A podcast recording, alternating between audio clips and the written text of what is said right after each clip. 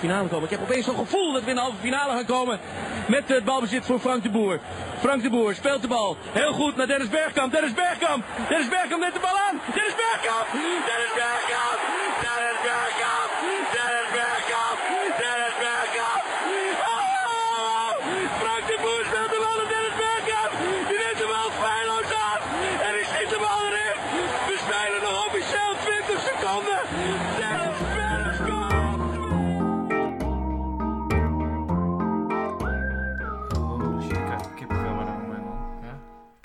Fucking kippenvel. Ja. Ik weet nog dat ik het eh, zag live op de tv, zo oud ben ik al. Jij bent een oude vent, hè? Oude lulgast. Ja, welkom allemaal bij aflevering 12 van de Raadspensionarissen. Twee oude geschiedenisdocenten. Nou, speak for yourself. Alright. Ja, zoveel jaar schelen we nou ook niet. Nee, dat is waar. Twee, zo. Ja. Fuck it. Oké.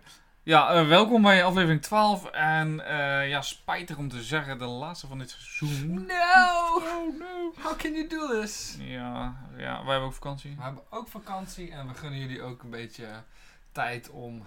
Te herstellen van deze informatiestroom. En ook een beetje om ons te missen natuurlijk. Ja. Ja, dan, hè, dan krijg je een soort van... Hopelijk zo'n Stockholm-syndroom. Nou, ik wil toch heel van die Raadspensionarissen. Ja, ja, precies. Ja, in september gaan we weer beginnen. Ja, september eh, beginnen we. Eh, we zitten wel te denken om eh, de, de release op maandagochtend te doen. Ja, dus dat zal betekenen de tweede week van september zal de release op maandag zijn. Dus Ja. dat is Niet 2 september, maar dat is 9 september dan. 9 september. 9 september. 9 september zullen we dus eh, met seizoen 2 beginnen. Klinkt heel vaag, maar het is zo, seizoen 2. Ik Seizoen 2, ik vind het wel stoer. vind het ook stoer. Nog maar twee seizoenen. Ik voel me echt badass. We zijn gewoon. ook heel badass. Ja, Ja. dus cool. Ja, ik heb er zin in man. Ik ook. Alleen, eerlijk gezegd, ik wil echt even van mijn vakantie genieten. Ja, ja, ja, ja, ik ook. Maar jullie mogen ons altijd contacten. Uiteraard. Vragen ze of we terug eh even antwoorden. Ja, dat is een vraag. Nee, maar eh, nou, superleuk dat jullie eh, er nog steeds zijn, dat jullie nog steeds luisteren. En eigenlijk eh, merken we door de tijd heen dat onze fanbase groeit eigenlijk. Ja, absoluut. Ja, ik Afgelopen week hadden we best wel veel, veel lu- luisteraars. En dat, ja, daar worden we natuurlijk een beetje stil van.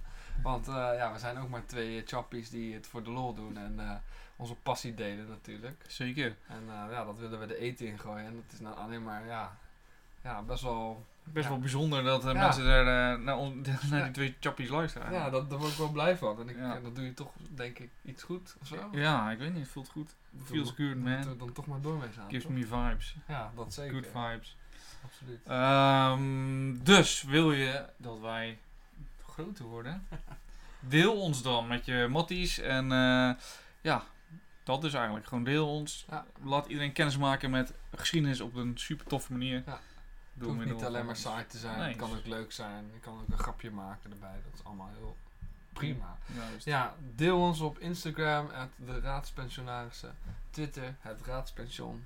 Je vindt ons op YouTube, Ja, wat jij wil. We zijn er. we zijn er. Soundcloud. Oh, Oh. Oh shit, dat is eng. Ja, dat is wel een beetje. Soundcloud, eh, Spotify en ook uh, i, uh, iStore van iTunes. iTunes, gebeuren. Ja, dat Ja. is een beetje oud, maar oké voor de Apple fans. Voor de Apple fans hebben we dat niet biased, maar oké. Zeker niet. Ehm, ja, super vet. We gaan op vakantie. En als je op vakantie gaat, dan ga je natuurlijk wel eens... eh, ik weet niet, ga jij ergens heen? Waar ga je eigenlijk heen? Ik heb eigenlijk nog niks gepland, Holy crap. maar ik ga echt zeker wel weg. Ik je ga vliegen? Ik ga misschien, eh, ik ga misschien naar Stockholm, naar een maat van mij. Vliegen? Ja. Of rijden? Nou, ik, ja, ik twijfel, rijden is best wel duur. Ja. Het is goedkoop om te vliegen, dus ik ga denken... Ik dacht, misschien ga ik jou achterna naar Berlijn. Ik dacht, hmm, maar dat is wel heel druk denk ik in de zomer. Is dat ook leuk voor een lange zomervakantie? Nee, maar ik was gewoon van plan een paar kleine dingetjes te doen. Even Ah, naar cool. Zweden, eventjes naar Duitsland. Oh zo, gaaf. Ja, ja Leuk. precies. Ja, toch? Wat ga jij doen? Ik ga naar Zeeland, man. Hoe, hoe ga je daarheen? Met de auto. Oh, oh, is dat zo? Ja. Hoe dan? Ja, ja, ja, ja. Ik hoop dat ik genezen ben. Ja, dat is een beetje inside joke. Vandaag hadden we... Ik hoop dat jullie ondertussen wel doorhebben dat wij dus echt docent zijn. We, hebben, we zijn dus ook echt docent. En we geven ook echt les aan eh, speciaal onderwijs. Ehm, en we hadden vandaag sportdag.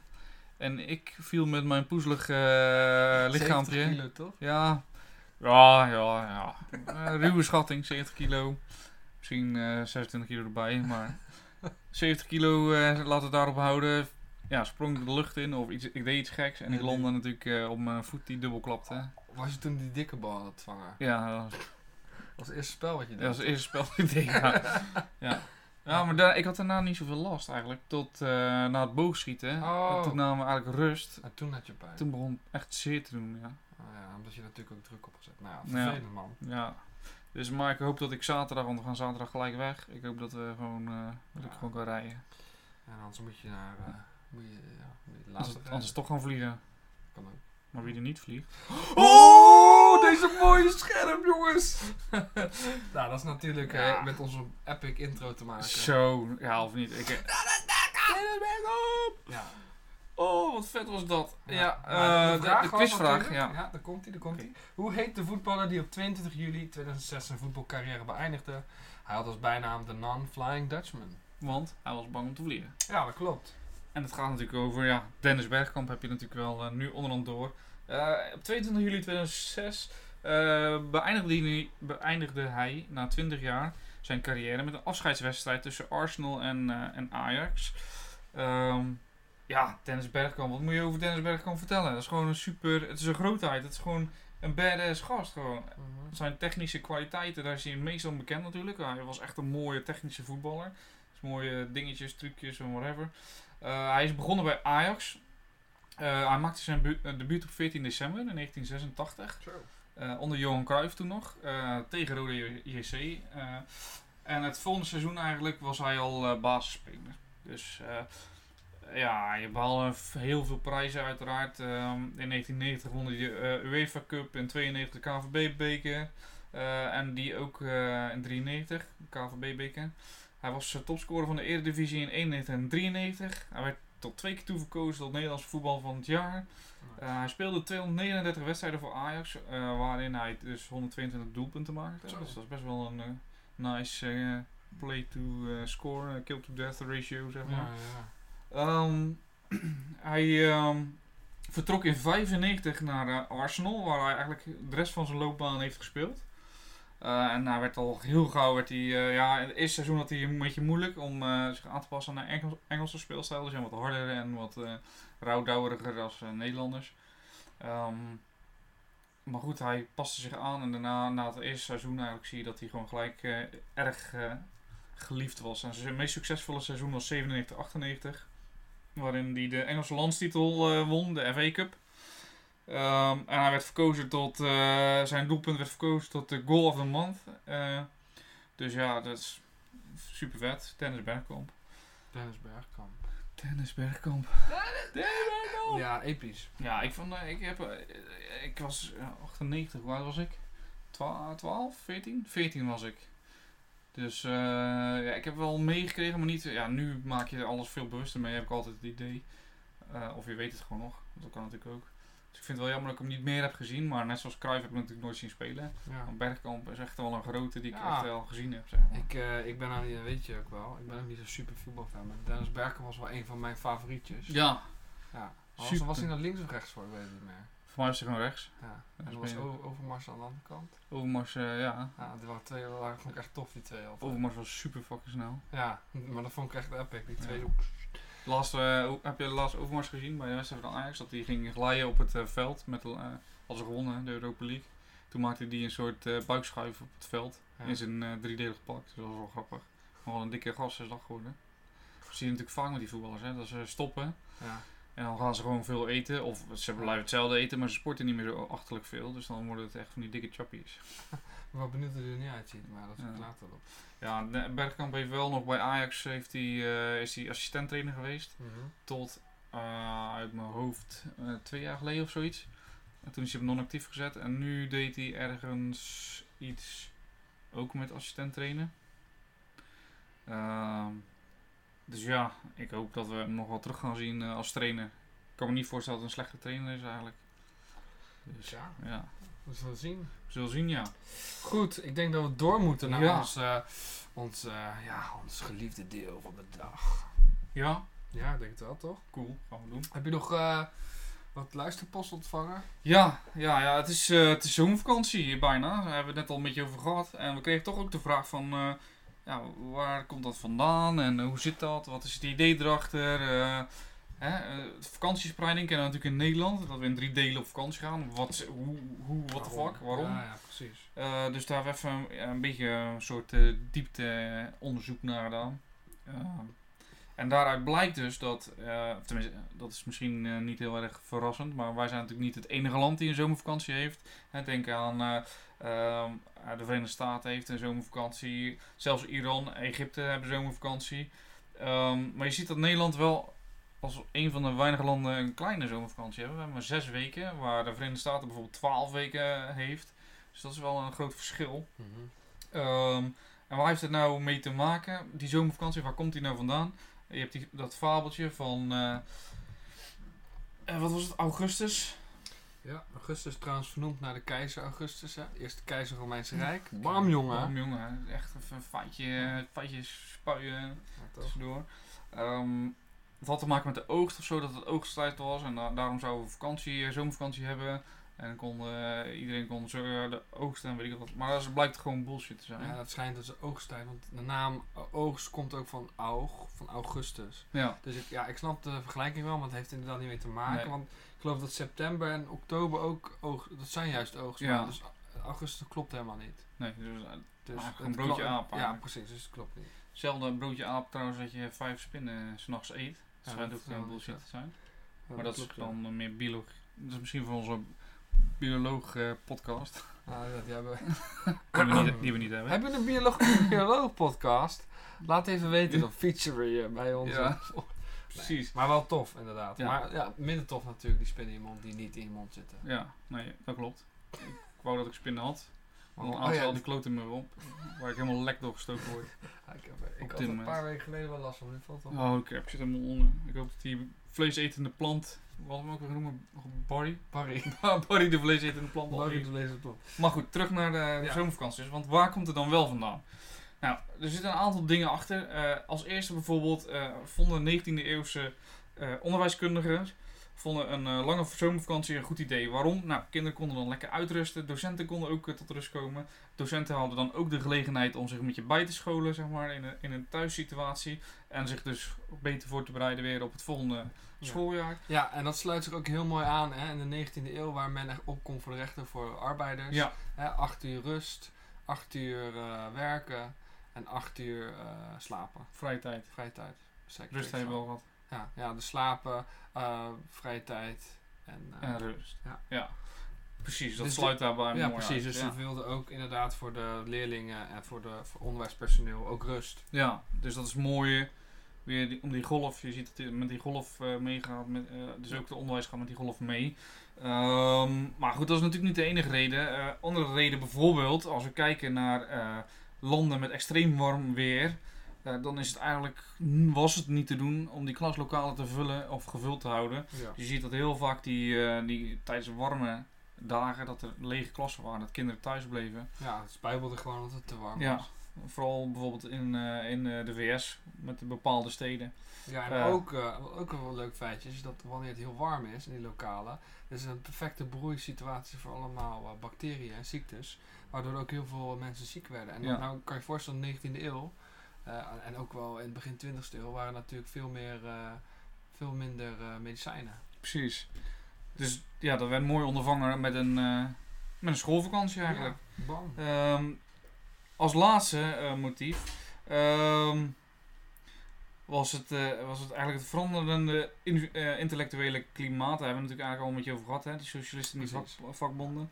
Ehm, ja, waardoor dus die achturige werkdag, en je net zei, dus dat is, eh, dat is de laatste eh, reden eigenlijk. Ja. Ehm, En wanneer kwam die in Nederland eigenlijk? ja, de eerste, eh, zoals we het nu kennen, eigenlijk. er is een fabeltje eigenlijk dat het rond 1950 is, maar dat is niet zo. Veel eerder. Het is veel eerder. Als je zoekt op krantenknipsels ook, dan vind je ergens dat de eerste krantenknipsel die gaat over een zomervakantie, waarin een zomervakantie vernoemd wordt, is 1830. Ja. Dus we gaan even vanuit dat dan ook zeg maar, die zomervakantie gestart is. Dus eh, ja, dus zodoende. ehm, ja, nou, als we dan kijken naar die vakantiespreiding, waarom hebben we vakantiespreiding? Dat is eigenlijk sinds 1986. En waarom hebben we dat? Heel simpel. Eh, ons land is vrij vol, tenminste. De Randstad is vrij vol. Dus eh, hebben ze het opgedeeld in, in drie regio's, zodat je dus minder verkeer op de, weg hebt. ehm, de, de, campings minder druk zijn. Dus dat je dus ja, de, eh, alles ontlast, om het zo maar te zeggen. Ja, het is gewoon een geleidelijke verspreiding eigenlijk van alle vakantiegangers. Precies. Maar er is, er is wel discussie over die, eh, Ja. over die vakantiespreiding. Omdat, één, het zou niet helpen. Het zou niet veel, eh, ook vanwege de vergrijzingen, dat er minder gezinnen zijn met, met kinderen die aan schoolvakantie gebonden zijn. En het zou ook nog eens als economisch schadelijk kunnen zijn, omdat wij dus een langere periode groter, ja, meer, meer stil liggen, ja, om het zo maar te zeggen. Dus je ziet in andere landen waarbij dat niet is, die hebben dus zes weken, om even, als we zes weken aanhouden, zijn zes weken gewoon dicht. Maar wij zijn natuurlijk in dat opzicht, eh, zijn we twee weken langer dicht, acht weken. ja. Dus eh, ja, dat zou ook economische schade kunnen zijn. Dus het is nog wel een, eh, het is nog wel een discussiepunt. Het zou zomaar kunnen veranderen. Ja. Nou, Ja. Voor mij maakt het niet zoveel uit. Nee, ja. Nee. Maar ook niet. Als ik maar mijn lange vakantietijd houd. Ik vind dat wel gewoon... eh, ja, als je kijkt natuurlijk naar vakantie in andere landen, hoe, hoeveel eh, dat is en hoe weinig wij eigenlijk vakantie Ja, hebben. men zegt wel eens van docenten, ja, jullie hebben superveel vakantie. Maar als je kijkt naar eh, andere schoolvakanties in andere landen, schrik je je echt Ja. kapot. Ook het totaal aantal dagen zeg maar, waarop Hoeveel, les wordt gegeven. hoeveel had de Verenigde Staten nou vrij? Eh, in de zomervakantie 12 weken. Twaalf weken, nou, Ja. moet je- moet je eens gaan nagaan. eerlijkheidshalve gebied te zeggen dat ze volgens mij niet alles doorbetaald krijgen. Nou, oké, dat is wel jammer dan. Dus dat is dan eh, kut. ja, dat is wel naar inderdaad. Dus je ziet dat heel veel docenten daar ook eh, zomerschool doen en zo. Ja. maar dat is dan ook niet zo gek. Nee, dat is dat dan zal ook- wel lekker relaxed zijn dan. Ja, Ja, toch? Precies. En er zijn ook nog landen waar je bijvoorbeeld drie maanden, geloof ik, zomervakantie hebt. Echt de hele warme landen. Ja, ik kan me nou heel goed voorstellen. Ik kan ook, eh, we hebben het zelf gemerkt een paar eh, weken terug. Ja. Die bloedhitte, ja. Wat Ja. doe je eigenlijk? Weet je? Je- Wat doe je jezelf aan? Wat doe je die leerlingen aan? Ze nemen niks op, want het is veel te warm. Iedereen zweet zich eh Ja. Ja. Misschien Ja. als je airco hebt, dat het dan, ja, misschien dat het een, ja, snap ik. dan zou je het kunnen ondervangen. Maar goed, ja. Maar het is echt geen ideale Nee. situatie. Het is echt verschrikkelijk. Nee, precies. Oké. Ja, Mooi man. waar ze ook airco nodig hadden. Oh, op een man. gegeven moment. was in Chernobyl. Dit, is, eh, dit kreeg ik ook door van eh, een van onze vaste luisteraars. Super gaaf weer dat je eh, dit hebt opgestuurd. Een filmpje. Ik zal het YouTube link zal ik delen op Twitter met jullie. En dat gaat over Chernobyl, wordt sci- scientific, hoe zeg je dat? Wetenschappelijk uitgelegd wat er nou gebeurde. Ik zal jullie daar niet mee vermoeien, want ik ben gewoon een geschiedenisdocent en geen uh, scheikundedocent. Maar wat is er gebeurd? Ehm, misschien weten jullie het eh, nog wel, misschien niet. Maar in 1986 is er een eh, Chernobyl, dat ligt in eh, Oekraïne, is er een kernreactor ontploft eigenlijk. Ja, ja, dat is wel grappig. Want mijn moeder die was nog een beetje bang. Want het was een verwachting van mij. Dat het nog invloed zou hebben Oh. op mij als kind. Ja, dat verklaart een hoop inderdaad. Sorry dude. Dat was een inkoppertje. Ja, maar goed, ik snap, hè, het, he- het heeft zoveel gevolgen gehad voor Europa eigenlijk. Ja, Eh, angst voor eh, ja, eigenlijk aantasting van bodem en ook van mensen eigenlijk. Ja, ik weet dat mijn moeder zei dat ze bijvoorbeeld spinazie en andere bladgroentes, die, eh, die waren niet meer te koop. Omdat ze waren bang dat dat besmet was met eh, eigenlijk de radioactieve wolk die over heel Europa is eh, komen Ja. zetten. Ja, bizar. Ja, maar goed, wat is er nou precies gebeurd? Ehm, ik zal het proberen niet te moeilijk te maken. 26 april 1986 werd eh, in eh, kernreactor nummer 4 van het complex werd een test uitgevoerd. Eh, normaal gezien zou die test door een eh, dagploeg gedaan worden. Of op 25 april door de dagploeg gedaan worden. Maar dat moest worden uitgesteld omdat er dus een andere, elektrische, eh, een andere elektriciteitscentrale was uitgevallen. En daarom moest dus Chernobyl extra elektriciteit leveren. Dus die test kon niet gedaan worden. Dus moest de avondploeg zonder enige vorm van voorbereiding die test gaan doen. En de test hield in dat ze bijvoorbeeld de generator, dat ze dat uit gingen schakelen. Die de, de koeling regelde van de reactor. En dan gingen ze kijken of dat de noodgeneratoren genoeg vermogen opwekten. Of op zouden wekken om, eh, om dat verlies op te vangen. Eh, en die, eh, die generatoren hadden 40 tot 60 seconden nodig om, om te starten, zeg maar. Nou, echt, er zijn echt een hoop, een hoop fouten zijn er gedaan. Je, je moet dat filmpje maar bekijken. Het is echt bizar gewoon. Een hoop ja, opeenstapeling van fouten. Een soort eh, Murphy's Law, weet je wel. Als Ja. één ding fout gaat, gaat alles fout. ja. En waardoor eigenlijk... Wat eh, fout kan gaan, gaat fout. Ja, wat fout kan gaan. Nou, dat is daar gebeurd. Ja. Eh, waardoor uiteindelijk de, ja, ik geloof dat het om het verhaal kort te houden, dat het vermogen zo hard omhoog ging en de warmte zo enorm groot werd. Dat, eh, ja, dat het gewoon de hele zaakje ontplofte met inmenging van waterstof. eh geloof zoiets. Je moet het filmpje maar kijken. Het is wel eh, het is een indrukwekkend, interessant filmpje. Het is, eh, het is Engels, dus eh, Ja. Ja, de gevolgen daarvan zijn nog steeds merkbaar. Hè? We zijn denk ik nog, hoe, lang zitten we nog mee? 600 jaar, misschien langer zitten we ermee. Hè? ja, ja, Het is onbewoonbaar nog. de, het gebied eromheen, zeg maar, inderdaad, tussen de 3 en 600 jaar zal dat nog onbewoonbaar zijn. Wat wel bijzonder is, is dat eh, de natuur zich lijkt te, te hebben aangepast aan, Ja, toch in die omgeving. Dus dat die begint weer begint op te komen. Ja. Eh, sowieso is het trouwens eh, verboden om daar te wonen volgens bij, bij de wet, zeg maar, voor, van wie eh, de overheid heeft Ja. dat verboden. Dus dat zal. Er zijn nog wel mensen volgens mij. Ja, weet ik niet precies. Ik weet wel dat het trouwens een heel, heel heldhaftig verhaal is van mensen die met gevaar voor eigen leven de brand die is ontstaan uiteindelijk geblust hebben. Oh. Ik dacht dat daar een Netflix documentaire over was. Dus als je van eh vakantie een keer tijd over, over hebt, moet je kijken. Dat is een geloof ik een serie of iets dergelijks. Dus dat is eh, super interessant. Eh, ik ga het filmpje, het linkje, linkje wil, Op Twitter. ja, op Twitter zetten. Instagram kan ook, maar... Instagram, ja. Weet toch, Instagram al die shit. Ja, Al die hippe kids doen het tegenwoordig. hippe kids, ja. Verschrikkelijk. ja. Hey, heb je nog... eh, hebben we nog iets staan voor het, voor het nieuws? Nou, ehm, waar ik toevallig eh, bij kwam. Ja, ik weet niet of je het er echt over Trump wil hebben trouwens. Over zo'n belachelijke idiote tweet. Over zijn racistische Oh, opmerkingen. Oh, is dat bizar. Ja. Even. Ja, weet je, prima als je rechts bent, links bent, whatever. Maar je gaat niet tegen iemand zeggen dat ze terug moeten naar hun eigen land, terwijl ze gewoon uit dat Ja. land zelf komen. geboren in de United... eh, Steeds, in ja. de US of A. En dan zeggen dat je... Ja, welk land moet ik terug dan? Ik, ik ben niet geboren, lol. Ja. Ja. Bijzonder. Ja, bijzonder. Maar dat, eh, dat viel me natuurlijk al zeer. Oh, eh, Noord-Korea. Hebben we het daar vorige week over gehad? Over die meeting tussen Trump, eh, tussen Noord- en Zuid, Noord-Korea en Trump. Ik kan het niet meer ik weet het ook niet meer. Nou, althans, ze hebben gemiet. en Ze hebben er zijn heel veel leuke memes over gemaakt. Leuk, ja. Ja. ja. Verschrikkelijk. Ja, Trump wil een drempel bouwen, want hij heeft gezien dat in Noord-Korea de drempel Zuid-Korea weer houdt om de grens over te steken. Slaat natuurlijk op de demilitarization of zo. Goed, oké, dus eh, oké. Genoeg gekolder. Ja. Eh, wat ik ook heb gezien, en dat is wel, eh, ja... Ik weet niet zo goed wat ik... mijn eerste gevoel zegt, ja, dat is fucked up. Maar aan de andere kant denk ik, ja, ja, ja, lo- ja logisch. Ik weet niet of het logisch is. Anyway, om het even te vertellen. Het verhaal is als volgt. Wrakken van, van schepen die tijdens de Tweede Wereldoorlog zijn gezonken. En vooral in Azië er natuurlijk ook veel, zijn er ook veel Nederlandse wrakken. Ehm, die verdwijnen, zeg maar, van de, ja, verdwijnen. Ze weten waar ze gebleven zijn. Maar die verdwijnen omdat ze geplunderd worden door... eh, Piraten. Ja, piraten inderdaad. Of eh, ja, gewoon door... eh, Ja, ijzer, ehm, van die mensen die in ijzer handelen, zeg maar. Daar worden ze door ja, van de zeebodem afgeplunderd. hm. Ehm, en zo schijnt dus ook een Nederlands onderzeeboot, de, de O-16, eh, verdwenen te zijn voor de kust van Mala- Maleisië.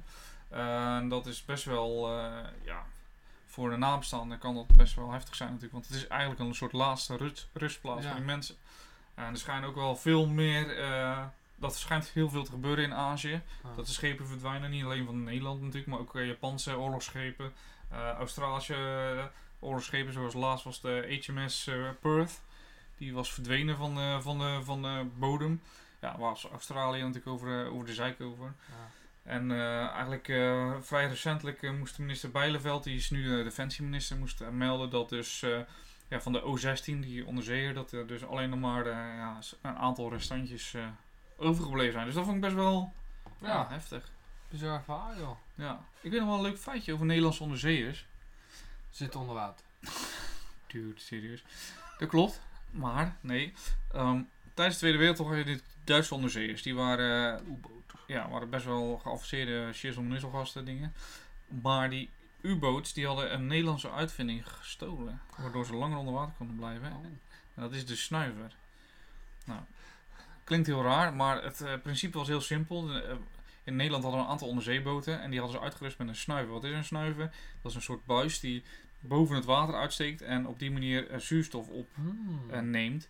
Eh, waardoor een onderzeeboot dus langer eh, onder water kan blijven zonder, want ja, als je, je moet naar boven met een onderzeeboot om weer eh, van alles Ja. zuurstof te tanken en ook voor de dieselmotoren geloof ik dat daar belangrijke shit voor is. Zonnepanelen voor de elektriciteit. Maar door die snuiver konden ze dus langer onder water blijven. En die Duitsers die hebben dus natuurlijk Nederland ingenomen. Die kwamen die onderzeeboten tegen in de haven. En die hebben die snuiver, die uitvinding hebben ze gejat. En uitgerust op hun eigen U-boot. Little shit. Little bastards. Oh. Maar ja, goed, weet je, dat hoort er ook maar helemaal bij. Ja. Toch? En wist je trouwens ook... Oké, ik ga nu helemaal los zijn, dan merk je. Ja, je bent echt je bent helemaal los, jongen. Ga los. Oké. Vandaag mag het, jongen. Laatste dingetje. Er is... ehm, toen Nederland viel... Hè, Duitsland... Valt Nederland binnen. Nederland gevallen. De, hebben we natuurlijk de, de, het Koninklijk Nederlands-Indië leger heeft gewoon doorgevochten tegen de Japanners. Mhm. En eh, die, dat hebben ze samengevoegd met de Australiërs, met de Britten en de. Het was Abdacom voor mij, de Australische Britten Ne- en Nederlanders. En ik weet niet of de Amerikanen al waren. Jawel, want eh dingen was aangevallen, hè? Pearl Harbor was aangevallen. Dus die werden samengevoegd onder één commando. Een Nederlandse generaal, of admiraal eigenlijk, hè, met C is het admiraal, die eh, was bijna was die tot eh, leider benoemd, maar ze vonden hem te agressief. Eh, waarom? Omdat hij zeg maar per dag probeerde gewoon één Japans schip te laten zinken. Zo, Zo'n badass was het. En hij stelde ook voor, we moeten gewoon volop in de aanval tegen die klote Japanners. Eh, maar ja, dat vonden de Britten en de Amerikanen, die vonden dat dan net iets te... Die vonden dat dan net iets te spannend. Of iets dergelijks, weet ik niet. Die wilden defensievere tactiek. Dus werd hij niet eh, de opcommandant. commandant.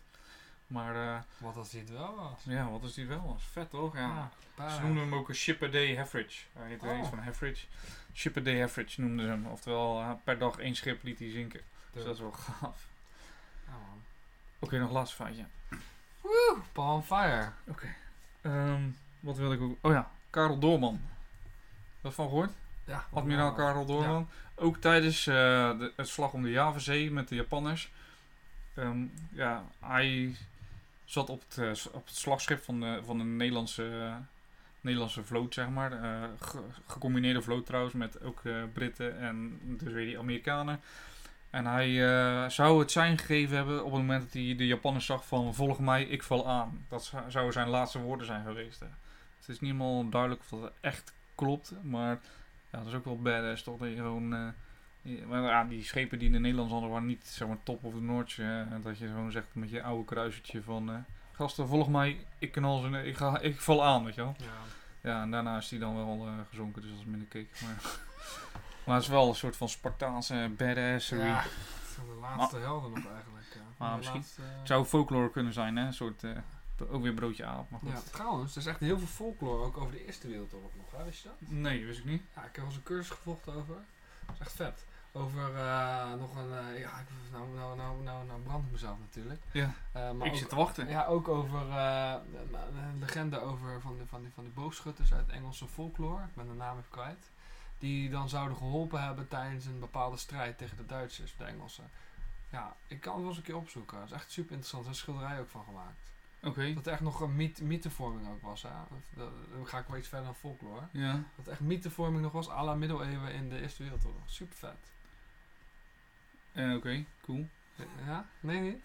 Ja, ik zit even, probeer het even te plaatsen. Je hebt boogschutters die tegen de Duitsers ja, dus vechten. eigenlijk een, een oude, oude legende uit Engelse historie. Hè? Weer een Ja. beetje nationalisme natuurlijk.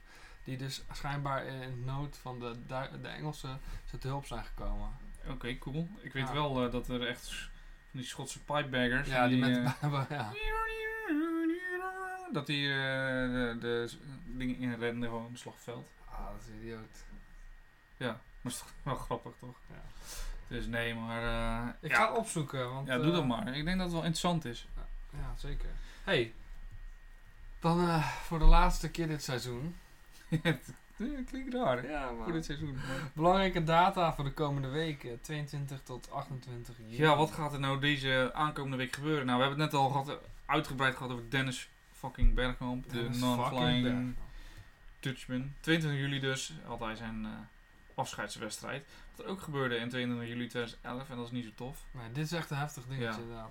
Nou, aanslagen in Noorwegen, misschien weet je nog wel. Het lijkt voor mij eigenlijk wel veel dichterbij dan dat het verder weg is. In Oslo laat Anders Brei, eh, Breivik eh, een autobom ontploffen voor het kantoor van de Noorse premier. En twee uur later opent hij dan op het eiland Uto, Uto, Utoya, Utoya, Utoya. Utoya het vuur op jongeren die daar in zomerkamp zijn. Dus eh, ja, Ja, dat was, eh, ik, ik kan me dat wel herinneren nog. Want ja, toch wel weer een tijd terug eigenlijk. 2011 ook weer, dat is ook weer Ja, acht jaar ja, geleden. Ja, klopt. Weet je nog wat zijn...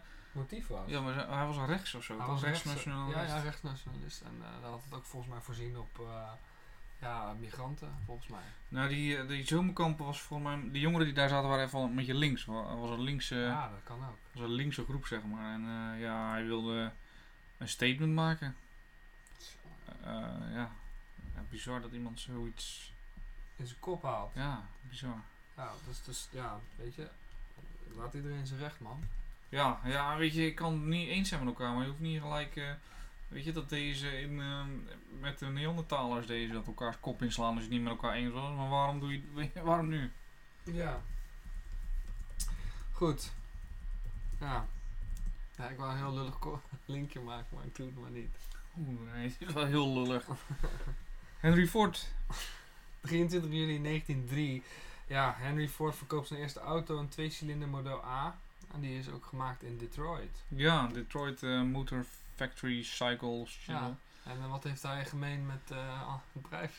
Ja, ja, ja, ja. Hij was, hij was, ik dacht zelfs ook sponsor nog van Hitler, dat hij geld heeft overgemaakt naar de, de nazi-partij. Dat Oké. is heavy shit, toch? Moeten we die fact checken? Of? Ja, als jij even doorlult, ga ik even Ja. factchecken. Nou ja, Ford dus. Wist je dat er een knipperlicht op een auto zit? En dat je die ook moet gebruiken? Oh ja, daar hebben we het al eerder over gehad. inderdaad. Fucking Lachen, man. zeg. Man. Ah, ja, ja, het is wel een fact eigenlijk dat hij. eh, kijken hoor, eh, hij gaf in eh, 1919 gaf hij een krant uit, eh, de Dearborn Independent. En hij, eh, daarin publiceerde hij antisemitische. Antisemitisme. Ah, het woord. Antisemitisch. Ehm, maar dus- even, even iets anders hè. Antisemitisme, dat kwam niet alleen in Duitsland voor. Hè. In Amerika is het ook heel veel voorgekomen. Dus het is echt niet zo gek dat hij eh, antisemitisme in Ja. zijn krantje ophaalde. Er zijn heel veel bekende situaties waarin Amerikanen ook echt begin 20e eeuw ook nog eh, anti-joden is. Ja. Ehm, Oké, ik heb natuurlijk gezegd dat hij eh, geld had gedoneerd aan Hitler. Dat kan ik niet terugvinden. Maar eh, er zou wel gezegd zijn dat eh, zijn antisemitische ideeën, ja, antisemitische ideeën, fuck, door eh, Hitler gebruikt zou zijn, zouden zijn in het boek Mein Kampf. Oh. Waar we het vorige week over hebben gehad. Ja. Dus eh, dat, is, dat is al een andere link. Ja. Later heeft hij het wel ontkend hoor trouwens. En in eh 27 heeft hij zijn excuus aangeboden en beweerde hij dat het om, om vervalsingen zou gaan. ja, dus dat geld dat kon je niet terugvinden. Nee, dat geld kan ik niet. terug- Kan jij het terugvinden? Nee, Maar wat wel is teruggevonden, Ja, oh, nou dit is wel, eh, ja, ik vind dat echt super gaaf. ja ik ook, ik eh, wil er nog een keer naartoe. Ja, de Ja. Inca-stad eh, Machu Picchu, die is in 1911 gevonden, op 24 juli 1911, door Hiram Bingham III. Eh was een Amerikaanse ontdekkingsreiziger en universiteitleraar. En hij vindt dus die, die wereldberoemde Inca-stad. En Machu Picchu. ja, nou, en wat is het bijzonder eraan? Ja, het ligt natuurlijk in Peru. Ja, En het is nooit ontdekt door de Spanjaarden toen ze eh, conquistadores waren nog. hè. ja, Eh, en is dus daardoor ook niet vernietigd. Ja, eh, er is nog heel veel nog terug te vinden over die beschaving door deze herontdekking, zou ik maar zeggen. ja, en dat is natuurlijk het mooiste als je een, eh, ja, iets vindt wat nog niet geroerd is door anderen. Dan vind je natuurlijk gewoon Ja. bron, eh, primaire bronnen vind je daar gewoon heel veel. Ehm, ja, dat dus. Ehm, ja, weet je, we kunnen zeggen dat eh, eh, het is wat eh, overdreven om te zeggen dat hij het ontdekt heeft, want hij schijnt eh, rondgeleid te zijn door, door locals, Ja. dus door mensen die daar al wonen. Native American. Ja, Native Americans inderdaad, die overigens niet echt heel veel meer zijn er nog hoor. Ja, zijn er nog wel, maar er zijn niet zoveel toch? Nou, niet meer zoals ze waren, nee. Ze zijn wel heel verwesterd. Ja, precies. Ja, ge- bekeerd tot het christendom ook, niet Ja. vergeten. Door, ook door de Spanjaarden, hè? Ja, ja, juist door die Spanjaarden. Dus, ehm, Heel erg veel van de cultuur, ja, werd, daarom, daarom werd het ook zo bijzonder. hè, Dat de- deze vondsten, de conquistadores, die vernietigden dus ook echt alle vondsten van eh, het, het ou- oude, oude Rijk. Want wat wilden ze? Ze, wilden, hè, ze zagen dat als ketterij. Ze wilden natuurlijk gewoon dat de Indianen werden, moesten christelijk worden, katholiek worden. ja. Dus. Maar weet je, er zijn nog steeds gebruiken terug te vinden in Mexico ook. Hè? Peru, et cetera. Over de oude, oude gebruiken zijn nog terug. Denk maar aan Mexico aan de dag van de doden. Ja, Dat is echt nog iets eh, wat, eh, ja, dat waren niet de Inca's, wel Azteken. steken, ja. Ja, echt Azteeks gebruik was dat. Ja. Ja. Maar goed, eh, ja, die Machu Picchu dat is wel, wel interessant. De, gebouw, het, Absoluut. eh, het, eh, de bouw zou rond 1440 begonnen zijn. eh, onder de leiding van Pachu, Pachacuti. Pachacuti. Pachacuti. Ehm, wa- waarvoor de stad gebruikt is, hoe die opgebouwd is trouwens, is dat in het midden een groot plein is. Ehm, er is een militaire zone en een godsdienstige zone. En tussen de godsdien- godsdienstige gebouwen eh, stonden eigenlijk woonvertrekken van, van de hofhouding. Hm. Eh, in de godsdienstige zone vind je natuurlijk eh, tempels voor de zonnegod en de maangodin. Eh, en er staat ook een zonnewijzer op het hoogste punt van de stad. Lijkt een beetje op eh, ja, Babylonische, oud-Babylonische Midden-Oosten beschaving eh, idee. Ja, precies. Ja, die zig- ziggurat. Ja, ja precies, de ziggurats, ja. Ja. Ehm, nou ja, in ieder geval, waar de stad voor diende, daar zijn wetenschappers het eigenlijk niet zo over eens. Omdat die, ja, we zeiden net, in 1911 is die, zeg maar, herontdekt door, de, door die Amerikaanse ontdekkingsreizen. Oké, locals hadden hem natuurlijk al gevonden, maar verder was die dus nergens bekend. Dus dat betekent ook dat die stad dus niet makkelijk te bereiken was. Ehm, ja, dus wat is dan die functie van een stad die niet makkelijk te bereiken is? Wat we eigenlijk natuurlijk terugzien in de geschiedenis, is dat steden gebouwd worden op punten eh, die goed te bereiken zijn. Want daarvoor heb je handel. Je hebt eh, handel nodig, je hebt water Ja. nodig, hè, je moet bereikbaar zijn. En dat, dit was natuurlijk, hè, ja, dit lag heel erg eh, bijzonder eigenlijk. ja, dus wat is nou. eh, Ligt heel erg bijzonder. Ja. ja, nog steeds. Dus wat is eigenlijk de hypothese? De hypothese is eigenlijk dat het een soort buitenverblijf was voor koningen en andere hooggeplaatsten. Ja, is het dan, ja, dat was mijn idee. Dan is het dan niet omdat ze, net zoals bij andere ja, geloven eigenlijk, op zoek gaan naar dichter bij de goden te zijn. Zou kunnen. Ja, ja toch? Ja, alles is open voor eh, discussie natuurlijk. Ja, toch? Dus eh, er zijn namelijk ook. Eh, als het de tempel van de godin van de maan en de zon is, ja, dan met alle respect. Dan denk ik. ja, Maar Ja. goed, laten we niet speculeren. maar goed, er zijn ook eh, bijvoorbeeld. eh, eh, er is ook een optie bijvoorbeeld dat er een fort zou zijn geweest ter verdediging van het Inca-rijk. En dat na de Spaanse veroveringen, Spaanse veroveringen er geen rol meer was voor die Inca's om daar te blijven. Want ja, Mhm. het Inca-rijk was natuurlijk fucked up door die conquistadors. Ehm, maar goed, daar is niet iedereen weer mee eens. Ook omdat de ligging van de stad niet echt ja, tactisch ligt, zeg maar. Er zou nog een theorie zijn dat eh, het vooral eh, bedoeld zou zijn voor het verzamelen van ca- coca-bladen. Eh, omdat het op het punt ligt waar veel plantages be- bereikbaar zijn. Oh. Dus dat zou ook kunnen. Ehm, maar goed, ook dit is bijzonder, want na de Spaanse veroveringen bleef coca een belangrijke rol spelen in het gebied. Dus ja, waarom ze dan die stad toch verlaten is dan, ja, dat is dan weer bijzonder. Dus dat is wel, ik vind het altijd rete interessant om daarover te speculeren. Ja man, ik ook. Dus eh, goed, Machu Picchu, dus ja, ik wil echt nog een keer, dat lijkt me super gaaf om te zien. Ja, same. Ja. Goed, de volgende dan maar. Geen leuke link helaas. 25 juli 1952. Ik denk dat we deze eigenlijk al een klein beetje besproken Ja. hebben in het verleden. Het verdrag over de oprichting van de Europese gemeenschap voor kolen en staal wordt van kracht. Ja, eigenlijk de Niet van voorloper. kracht, hè? maar van kracht. Ja. Is het al zo laat? Ja, het is al zo laat. Ja. Nee, maar ja. ja, ja ah, nee, nou u, nou u. Nou ja, voorloper van de Europese Unie, niet I say more. Ja, niet heel veel, nee. We hebben natuurlijk al een keer, eh, was het niet aflevering 2 of zo? Die aflevering waarbij hij eh, ergens eh, in fucking Peru zit. Dat hoorden we je niet zo. Oh, dat ik, oh, dat ik, ja, dat ik de microfoon niet zo deed. Ja. Ja, klopt. Ja. Oh, we gaan echt flashbacken ook op deze einde ja. van de Oh, nice. seizoen. Ik zie serieus twee duiven batsen buiten. Twee duivenbotsen. ja, kijk daar. Holy shit, dude. Two horny motherfuckers. Ja. Oké. Oké. Kunnen Nou jullie niet zien natuurlijk. Nee. Even voor, eh, voor de beeldvorming. Ik kan er eigenlijk niet van stoppen met kijken. Het is echt heel bizar dit. Hij blijft maar flapperen joh. Maar You like... eh, EGKS hè, is ook belangrijk Oh ja, natuurlijk. Ook EGKS. voor de stabiliteit in Europa geweest. Ja. Hè? Juist. eh, ja, je ik, dat? je ziet me kijken naar de duiven. Godverdomme. Of ben je gewoon jaloers? Je denkt van, ik wil ook weer een bil. Ja, ik hoef geen duiven. Ik doe niet vrijgezel, dus mag Ah joh, man. Anyway, ehm, ja, belangrijk voor stabiliteit ook hè, na de Tweede Wereldoorlog en ook, eh, kut, ik het niet. Eh, ja, zoals jullie horen, wij, wij knippen eigenlijk nooit in onze uitzendingen. Nee. Want dat vinden we kut. hè. Ja, dat, het moet een beetje puur blijven. Puur. Ook, ook fouten zijn puur, dat is mooi, hè? Ja. vind ik. Hè? Ik vind het altijd wel leuk om... eh, Weet je wat ook puur is? oh man, Twee komt- batsende duiven. we zijn nog steeds bezig. Echt? Ja, Doet hij langer dan ik? dat is wel een beetje triest. ja. Ja. Nou, Ja, EGK's, kortom, na de Tweede Wereldoorlog opgericht ook om eh, samenwerking te hebben. Eh, Nederland was er een van de e- eerste van die erbij, zich daarbij aansloot.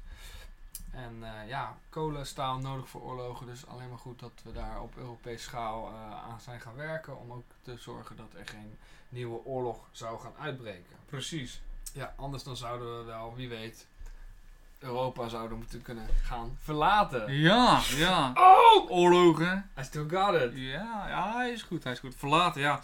Ja, want op 26 juli 1581 wordt eigenlijk het zogenaamde plakkaat van verlatingen ondertekend. En het plakkaat van verlatingen, jongens, als je dat niet weet, dat is zeg maar de Declaration of Independence van Nederland, maar Ja. dan zeg maar veel eerder. Ja, dit is waar eigenlijk ze de inspiratie van op hebben gebaseerd. En daarmee zijn wij eigenlijk, daardoor eigenlijk, zijn wij de eerste republiek ter wereld geworden. Ja. Dus dit kleine kikkerlandje, jongens. Bam. Eerste republiek op de aarde. Wat ik zei, jongen. Jongen. Ja, en inderdaad wat je zegt, hè, de, de, de Declaration of Independence is echt daadwerkelijk gebaseerd op ons plakkaat van Ja. verlatingen. Obama heeft hem nog bekeken toen hij in Nederland was. Ja, snap ik. Ja. Super tof. Zijn ze nog bezig? Ja. Is, is het weer te kijken? You fucking dirty bastard. Het, is echt, het zit echt in mijn oogveld gewoon. Dat is echt kutte. Ja, eh, oké, terug naar het plakkaat. Plak, plakkaat. Oh my Oké, God. high five. Nice. Oké. oh, oké. Nou ja, goed. Even, eh, we hebben het wel eens eerder uitgelegd. Nederland viel onder het Calvinisme. Nee, nee, nee, wacht even. Nog niet, Oh, toen nog oh. niet, hè? Nee? Eh, dat- dat- dat- Wel. dat- ja, wel, maar dat was in opkomst. Ja, was in, oké, was in opkomst. Eens. Eh, n- zeker het noorden van Nederland. Het zuiden van Nederland moest weer eh recalcitrant eh doen. Frans blijven praten. en Frans blijven praten Altijd met die zijn. eh. anyway, ehm, het plakkaat eigenlijk, eh, is eigenlijk geschreven met het idee van het Calvinisme. Hè, dat als een vorst zich als een tiran gedraagt, Juist. mag je hem afzetten. En dan ehm, mag je ook dus een andere zoeken. En dat was eigenlijk ook wat ze wilden. Ja, hè. ze wilden een andere koning. eh, eh, geloof ik ook nog de oom van Philips, Ferdinand. Dat weet ik even niet. Volgens mij ook. En van Engeland hebben ze ook nog gevraagd. En, Dat weet ik inderdaad wel. eh, ja, en uh, kutduiven, dan nog steeds bezig. Eh, ja, en zodoende hebben ze dus eigenlijk eh, geen, ja, geen koning gevonden die zich daarvoor zijn vingers aan wilde branden. Ja, nee, eh, eh, ja, precies. Ehm, en daarom ook hebben ze zoiets gehad van, nou, weet je, fuck it, we gaan het gewoon lekker zelf doen. Ja, en dat was natuurlijk wel een beetje schrikken voor alle andere Europese landen, want dat is nog nooit voorgekomen. Maar daarmee zijn we wel een groot voor- voorbeeld geweest. Want Ja. het ging heel erg goed juist daardoor. Ja, Ja. ja Nederlandse gouden eeuw eigenlijk ook, hè. Ja. Ehm, ja, wat deed ze? eh, eh, ze, de gewesten, hè, de verschillende gewesten, dus dat zijn, eh, om even ze op te noemen, Brabant, Gelre, Zutphen, Vlaanderen, Friesland, Holland, Zeeland, Mechelen en Overijssel. Die, ehm, die vertegenwoordigers daarvan, die stelden een nieuwe eed van trouw op aan de Verenigde Nederlanden. Dus niet meer aan Philips II. Ja. Dus eigenlijk zochten ze dus iemand, een, hè, weer vanuit het Calvinistisch gedachtegoed, een vorst die eh, de trouw zweerde aan de Verenigde Nederlanden, zoals zij hadden gedaan, ja. en niet meer aan elkaar. Ehm, waardoor je dus eigenlijk een leider kan zoeken die bij je past, om het even kort door de bocht te zeggen. Ja, en natuurlijk daarna hebben ze niet gelijk een republiek gevormd. Hè. Eh, daar staat de generaal ging eerst nog op zoek naar, ja, naar, dus die, naar dus die andere vorst. En toen dat dus niet werd gevonden in 1588, toen werd het dus een republiek. Ja. En ik geloof dat het tot 1664 geduurd heeft voordat de internationale eh, community eh, Nederland erkende. Oké. Nou, dat hebben we toch goed gedaan. Ja, zeker. Eh, ja. Oh, 1648 natuurlijk. Stom Ja. mij. Nou, het had ook ongelooflijk fout kunnen gaan. We hadden ook onszelf compleet eh, in de voet kunnen schieten. Of in de borst in dit geval. Holy crap! 17 27 juli 1890. Vincent van Gogh schiet zichzelf in de borst met een pistool. En aan zijn verwonden overlijdt hij dan ook twee dagen later. Op 29 juli 1890. Dit is echt eh, bizar. Ja. Mooi. Deze Mooie gast die kon schilderen, jongen. Even serieus. Ja, Ja, ik, eh, we hebben samen kunstgeschiedenis gedaan. Eh, ik geloof dat jij het werkstuk voor drie kwart heeft gemaakt. Want ik eh, heb helemaal niks met kunstgeschiedenis. Ik vind het wel interessant hoor. Van Gogh is echt wel een impressionistische schilder. Hè? Dus ja. Je kan alles zeggen, ik geloof het gewoon. Als je zegt, Ja, een frikandellische schilder, dan zou ik het ook nog geloven. Ik, ik heb echt geen, geen, geen verstand van kunstgeschiedenis. Nee, nee, echt bijna. Ja, Vincent kan heel goed. Ja, hij is natuurlijk bekend omdat Ja. hij zijn oor zou hebben afgesneden. Heeft hij ook gedaan. ja, Ja. hij was een, een, ja, eh, een, een, een, een Nederlander. Ja. En hij woonde in eh, Frankrijk. Ja. Ja, en dat scheen nou ook heel depressief te zijn. Nou, dat is niet zo gek als je zelf eh, in je borst schiet. Dus ja. Ja, dat is. Oh, oh, daarom deed hij dat. Ik dacht, hij had een eh, mug op zijn borst. Maar dat is toch zo fascinerend dat je dan zo verschrikkelijk rot voelt. Dat je jezelf van het leven berooft. En dat je dan zoiets moois achterlaat waar mensen nu nog zo ontzettend onder de indruk van zijn. En dat, dat vind ik zo sneu dat hij dat gewoon niet weet. Ja. Snap je? Dat is echt heftig, toch? ja, dat is ook heftig. Maar heeft het een het ander niet versterkt, zeg maar? Ja, dat denk ik wel. Als hij niet dood was, had het misschien niet zo'n grote impact gehad. Heel veel eh, zeer creatieve mensen hebben natuurlijk de, ja, de neiging is misschien niet het goede woord, maar die plegen natuurlijk vaak zelfmoord. Ja, Want Ze zijn heel creatief, maar aan de andere kant ook vaak depressief. Hè? Kurt Cobain, Ja. Eh, Amy Winehouse, die is niet, Ja, die is niet zo- Ja, Chris Cornell. ja, Ja, voor degene die een beetje van alternatieve muziek houden. De Chester Bennington van Linkin Chester Park. Bennington, ja, ja. Ja, dus dat is eh, ja, bijzonder vind ik dat. Als je zo, zeker als je dan kijkt naar uh, even Kurt Cobain als voorbeeld. Heb je zo'n populaire band. Hè? En uh, je bent zo populair, je maakt zulke gave muziek. Zoveel mensen genieten van je muziek. En dan toch voel je die behoefte om uh, ermee te kappen. Om eruit te of dan voel je niet dat je goed genoeg bent. Misschien is dat het. Hele. Ik weet, ja, ik kan, we zullen het waarschijnlijk nooit kunnen verklaren. Want op het moment dat we het kunnen verklaren, dan schieten we onszelf misschien Ja. in ons hoofd. Ja. Dus uh, ja, heftig. Ja. Wist je trouwens dat uh, de zanger van de Foo Fighters lijkt echt enorm veel op de drummer van de Nirvana? Ja, dat lijkt inderdaad. Ja. Hoe kan dat? Ja, raar, raar, raar. Ja. Oké. Okay. Alright. nou, nu eentje die we natuurlijk al wel vaker Ja. voorzien uh, vallen eigenlijk in onze show.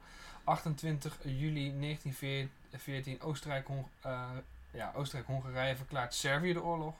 En daarmee begint dus eigenlijk de Eerste Wereldoorlog. Ja. Door die oorlogsverklaring. Ja, dat is, uh, ja, we hebben het heel vaak hebben we het erover gehad. Hè. Dus ja. uh, we kunnen het nog een keer doen, maar dat is misschien niet helemaal uh, handig. Ja. Maar het is wel, ja, het is zo'n groot event, we moeten het natuurlijk gewoon noemen. Ja, Dus, absoluut. Ja, ja en uh, daarmee, ja, uh, zou ik zeggen, verliest Europa voor de helft zijn kop, zou ik maar zeggen. Oh, gast, je bent op dreef. Ah, zijn ze nog bezig niet, even? Nog zijn ze nog bezig?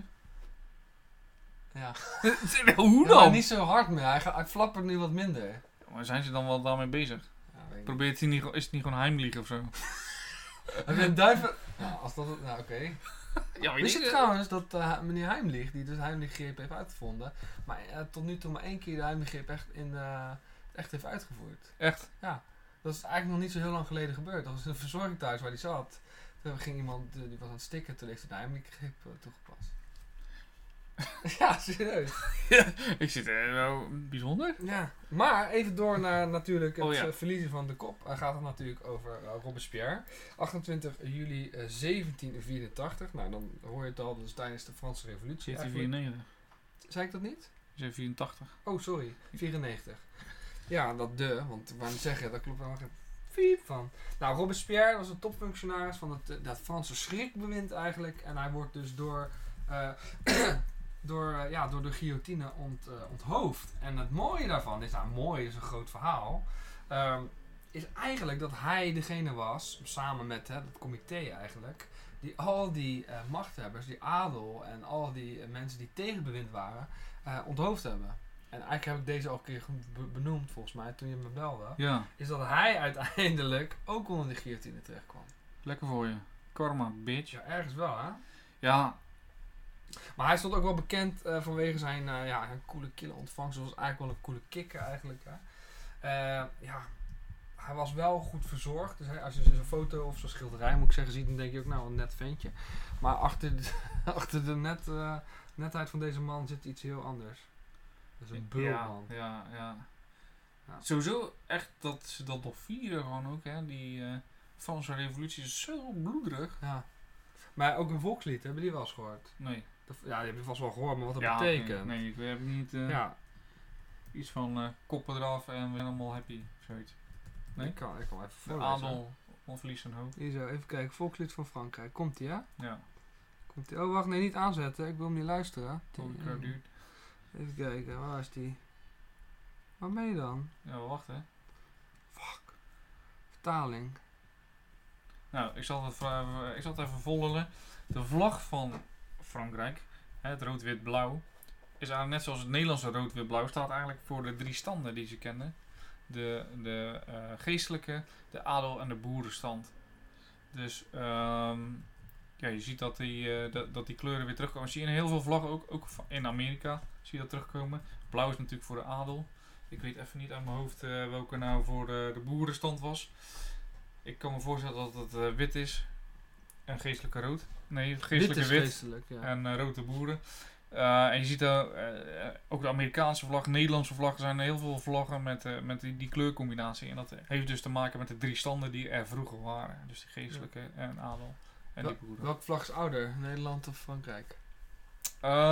Ik denk de Nederlandse vlag. Dat is ook absoluut Ja. waar. Want als je schilderijen bekijkt, als, je, als je er goed onderzoek gaat, naar gaat doen, dan zie je dat die eerder worden afgebeeld dan die van de Fransen. Wist je ook dat er een. eh, eh, ja, we hebben ook wel eens van die vlaggen met een oranje baan erin. Hè? Dat in plaats van de rode baan een oranje baan. Wat eh, natuurlijk een soort hulde is voor, de, voor Willem van Oranje. Ehm, maar die is, dat is eigenlijk nooit officieel geweest. Dus het is nooit een officiële vlag geweest. Het werd vaak gebruikt op zee door de, door de watergeuzen. Maar het is nooit de echte officiële vlag van Nederland geweest. Klopt.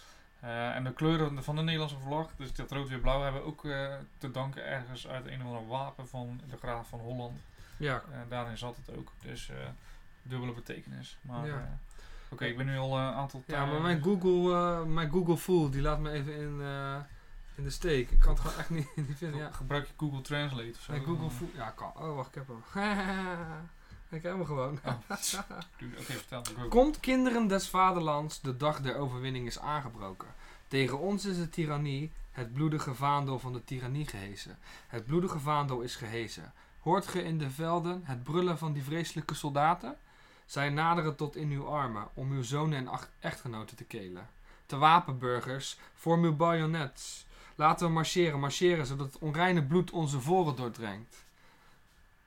Wat wil deze horde slaven? Verraders en samenzwerende koningen? Voor wie zijn deze walgelijke ketenen? Deze ijzers die lang geleden zijn gemaakt. Fransen voor ons. Ah, wat een belediging. Welke middelen moet men uitoefenen? Wij zijn het die men durft te overwegen om tot de oude slavernij terug te brengen. Dus eigenlijk zeggen ze, gewoon- ze vragen om bloed, hè? Ja, Dus zit je een partijtje voetbal te kijken en dan eh, zitten die Fransen lekker te schreeuwen om bloed. ja. Ja. Ik vind het Nederlands volkslied trouwens wel dope hoor. Ja, het is ook niet eh, wat heel vaak gezegd wordt. Hè. Heel vaak wordt er gezegd, ah, Duits en bloed. En, eh, maar dat is niet zo. Het gaat niet om Duits en bloed. Gewoon Duits en niet in de zin van Duitsland. Maar Duits, Duits en bloed, is gewoon van Willem van Oranje. Ja. Die komt uit die eh, regio. Ja. Eh, daar gaat het om. Ik heb een keer Ja, hij, alsof over, hij dat ze- zegt, eh, Ja. van, van Duitse bloed. Ja. Het, heeft, ja, het heeft helemaal daar niks mee te maken. Maar mensen die, die, die trekken de link altijd op een of andere manier met de Tweede Wereldoorlog Ja. ook zo. Dat ze zich beledigd voelen omdat het Duits in staat. Ja, en de koning van Spanje natuurlijk. Nou, dat heeft natuurlijk te maken met... eh, De Ja. en de afscheiding. En ook weer die akte. Hij heeft hem altijd geëerd. Ja, want Willem van Oranje die heeft altijd gezegd dat je ik ben trouw aan, aan jou, de Spaanse koning. Ja. Ehm, dus daar gaat het niet om. Waar ik tegen ben is eigenlijk hoe je je manier van ehm, je manier van eh, heersen, zeg maar. Ja. Dus Hoe die de er ketteronderdrukking. ja, ook de onderdruk van de Calvinisten en Ja. hoe ze werden aangepakt, daar was hij tegen. Ja. Dus ik ben niet tegen jou, maar tegen je, Ja. eigenlijk weer wat wij nu ook zeggen tegen onze leerlingen. Ja, We zijn niet tegen jullie. We vinden gewoon je gedrag niet leuk. ja precies. Bijvoorbeeld. Jij bent niet stom, je gedrag is stom. Precies, ja. ja. Alright. Goed. Wauw, oké man. Hey. Ja, we zijn er een beetje doorheen. Ja, wel jammer man. Ja. We hebben geen quizvraag, we hebben geen hoofditem. Maar wat we wel kunnen doen, is we kunnen terugkijken op een aantal afleveringen. Ja, cool. Ik, zal ik even kijken? ehm, eh, ja, oké, oké. Ehm, Want we hebben natuurlijk heel veel afleveringen opgenomen. Daar hebben wij heel veel bloed, zweet en tranen Nou ja, oké. we hebben heel veel gelachen vooral. Ja. Dat is het allerbelangrijkste. Hebben we heel veel informatie over verteld. Althans, dat hoop ik dan. Dat jullie dat ook zo hebben ervaren. Ja, ja, van wat ik terugkrijg wel. Hè. Ja, same. Ehm, ja. Nou, weet je nog eh, waar aflevering 1 over ging? ja, toen hebben we echt heel veel verteld. Ja, toen hebben we echt geluld als brugman. Ook een beetje ongestructureerd geluld Ja. als brugman. Ja, klopt. Maar ja, goed, ergens moet je beginnen, toch? Ja, we moeten ergens beginnen. 4 en 5 mei ging het over. Over de Eerste, Wereldoorlog, Eerste en Tweede Wereldoorlog hebben we wat over verteld. Ja. En het ging over de examens eigenlijk. Ja, We hebben natuurlijk de dingen gehad, hè, de uitreiking. Dat was Ja. super vet. hebben ze goed gedaan. Ja.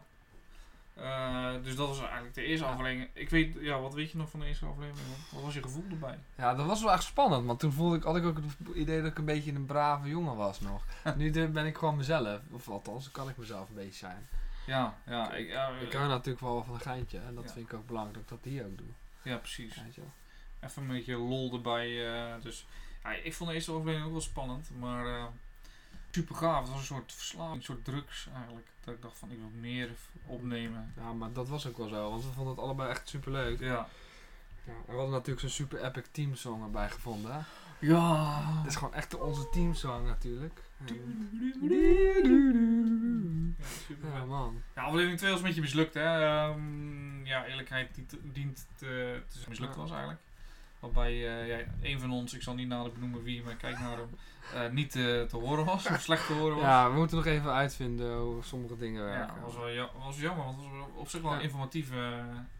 Ja. ja dat is echt de aflevering waar ik me minst van herinner, denk ik. Ja, ja, dat komt omdat hij natuurlijk ook eigenlijk het slechtst was. Ja. Qua geluidskwaliteit. ja, maar misschien was het wel lievelingsaflevering van onze luisteraars, weet je? Dat kan toch? True. Ja, ik zou het ook leuk vinden als luisteraars een lievelingsaflevering zouden. Dat zouden we graag wel willen horen. Ja.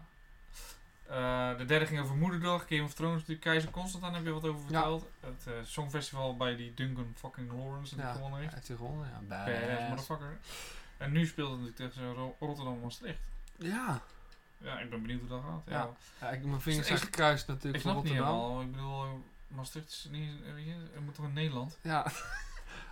ja, Dat eh, heb ik al een keer gemaakt natuurlijk. ja. Zo mijn vrouw ook altijd... "Eh, Dat zeg je altijd. ja, sorry. Eh, vierde aflevering over de RMS. Eh, ook goed beluisterd overigens, de RMS. ja, daar heb je echt niet best op gedaan. Ja, kaping bij de punt ook. Al, wat, eh, voor het eerst wat fragmenten ook wat ingestopt. Ja. Val van Constantinopel en PTSS hebben we het over gehad. Ja. Eh, aflevering 5, de Falklands. Ja. Aanslagen in Japan, China en de Zesdaagse Oorlog. Ja. Eh, aflevering 6, de Arabische opstand, Berlijn en eh, de D-Day special hebben we het over Ja, oh ja. Ja, ja, ja. Super vet D-Day natuurlijk. ja vooral de marginal lijn. Ja. Ja.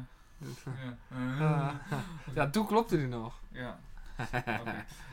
Aflevering 7, Nova Zembla, de Pride Month Hongkong en Amelia Earhart, Powerwoman natuurlijk. Ja. Nova Zembla trouwens, kutfilm. Ja, niet kijken. Af, ja, kijken Eerste vooral. 10 minuten. Nee, nee, gewoon kijken, lachen. Ja? En dan af en toe even naar eh, ja, onze grote eh, liefde. Ja, wat is- Ehm, Eh, wat- is ook weer? Wat is ook weer? Die reclame van Ice Tea of zo, toch? Fuse Tea? Ik weet niet. Whatever, ah. Aflevering 18 over de Frans-Duitse oorlog. Cornelis Houtman, de Cyberoorlog en de Korea-oorlog. Ja.